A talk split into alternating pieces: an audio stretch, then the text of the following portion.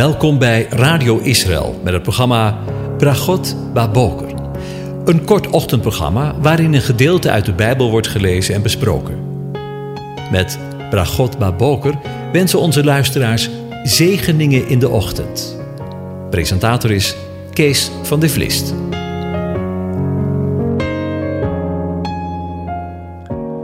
Goedemorgen, Bokatov, beste luisteraars. Vanmorgen gaan we weer verder nadenken over Psalm 104. En daarvan lees ik de versen 24 tot en met 30. Hoe groot zijn uw werken, heren? U hebt alles met wijsheid gemaakt. De aarde is vol van uw rijkdommen.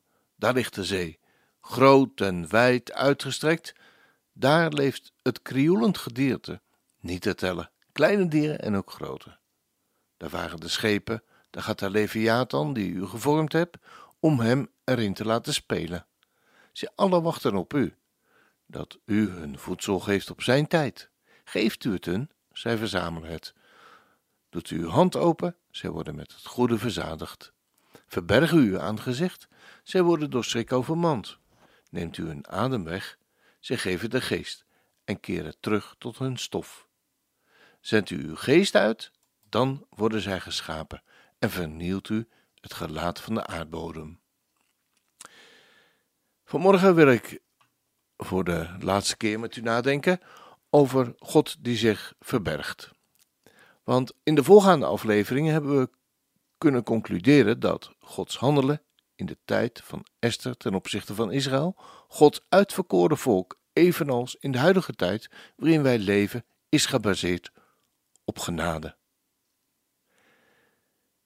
Stel eens dat hij handelt naar recht, eerlijk zeggen. Wie zou dan bestaan? Hij laat zijn genade heersen boven recht. Als God recht zou laten heersen boven genade, zou hij onmiddellijk moeten bestraffen dat wat er verkeerd gaat in deze wereld. Gods verborgenheid is juist een uiting van zijn genade. Want in deze genade kan ieder mens tot hem komen vergeving van zonde ontvangen en van binnenuit vernieuwd worden. In 1 Korinthe 4 vers 16 staat het zo prachtig verwoord. Daarom verliezen we de moed niet. Integendeel, ook al vergaat onze uiterlijke mens, toch wordt de innerlijke mens van dag tot dag vernieuwd. Hij is gericht op het vormen van een lichaam van gelovigen uit Israël en de overige volkeren. Zoals een baby in de baarmoeder. En wanneer de vrucht volgroeid is, wordt hij openbaar. In Romeinen 8 staat dat de schepping zuchtend wacht op het openbaar worden van de kinderen Gods. Het feit dat God in de huidige tijd verborgen is, is dus een deel van zijn plan. In deze verborgenheid is God almachtig, maar oefent hij deze macht nog niet uit als koning over de aarde. Hoewel de Heer Jezus aan het einde van zijn tijd op aarde uitsprak: Mij is gegeven alle macht in de hemel en op aarde, zegt de schrijver van de Hebreeënbrief, maar nu zien wij nog niet dat hem alle dingen onderworpen zijn. Dat is een strijd waarin de macht over deze wereld onder de toelating van de Almachtige ligt in de handen van Satan en zijn trawanten. In deze strijd gaat de over, staat de overwinning vast. Als de Heer Jezus deze overwinning opeist, is God ook niet meer verborgen, maar openbaart Hij zich in Zijn wederkomst.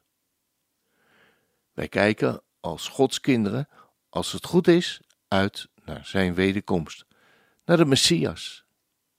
Ondertussen moeten we leren leven met de verborgen God. Een God waarvan we dus weten dat Hij niet afwezig is, maar aanwezig is in ons leven. Niet onverschillig, maar juist betrokken bij het leven van Zijn kinderen. Niet machteloos, maar krachtig in het komen van, tot Zijn doel in ons. Wij leven op de aarde Tegelijkertijd zijn we georiënteerd op de dingen van de hemel.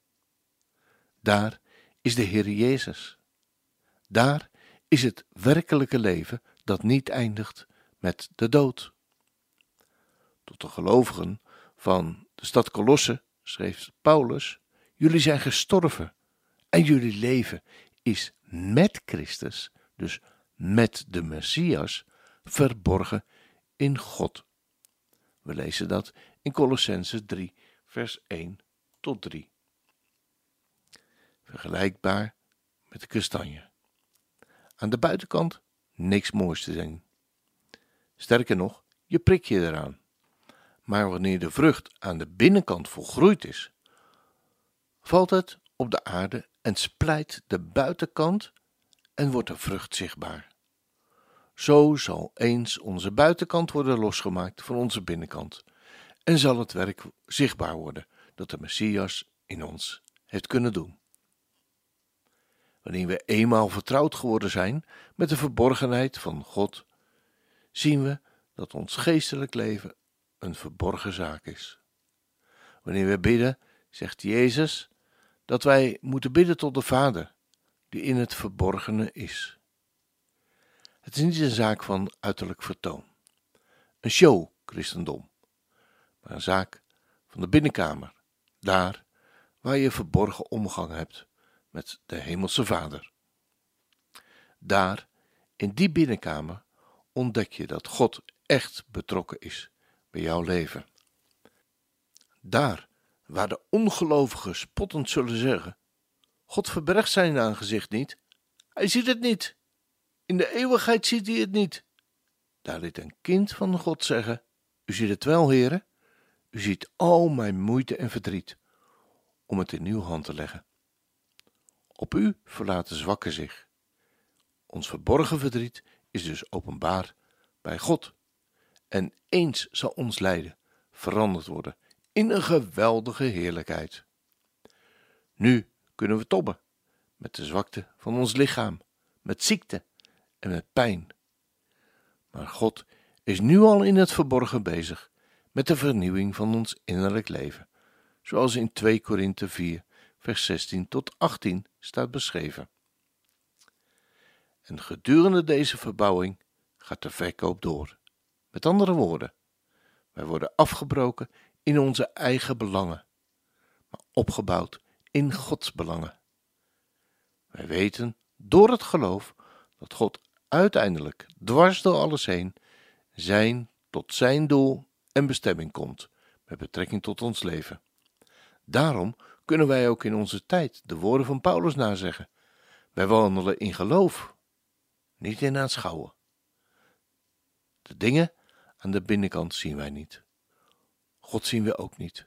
Maar in en door het geloof weten wij dat alles eens openbaar zal worden. Wat een geweldig vooruitzicht. En als dat geen zegen is.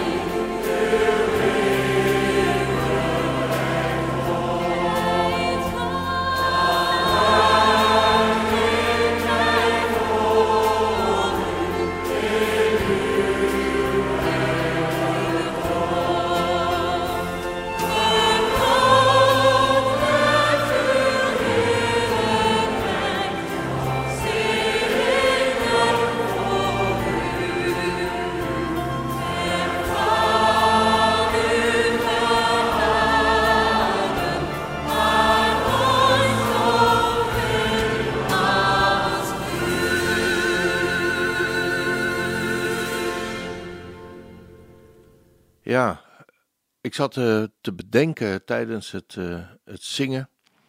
Wat zijn we toch eigenlijk ongelooflijk begenadigd als we zo'n dag als vandaag mogen beginnen met onze liefde voor de Heer uit te zingen. Ik heb van u gehouden, maar nooit zoveel als nu. Is toch geweldig? Nou, daar kunnen we de dag mee in, denk ik. De Heer zegent en hij behoedt u. De Heer doet zijn aangezicht over u lichten en is u genadig. De Heer verheft zijn aangezicht over u en geeft u zijn vrede, zijn shalom. Amen.